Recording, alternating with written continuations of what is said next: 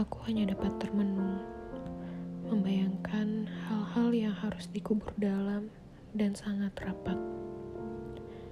Aku titipkan sejuta kenangan bersama. Aku ikhlaskan jika memang harus terluka. Tidak apa-apa, saat ini aku memang akan sedikit tertatih.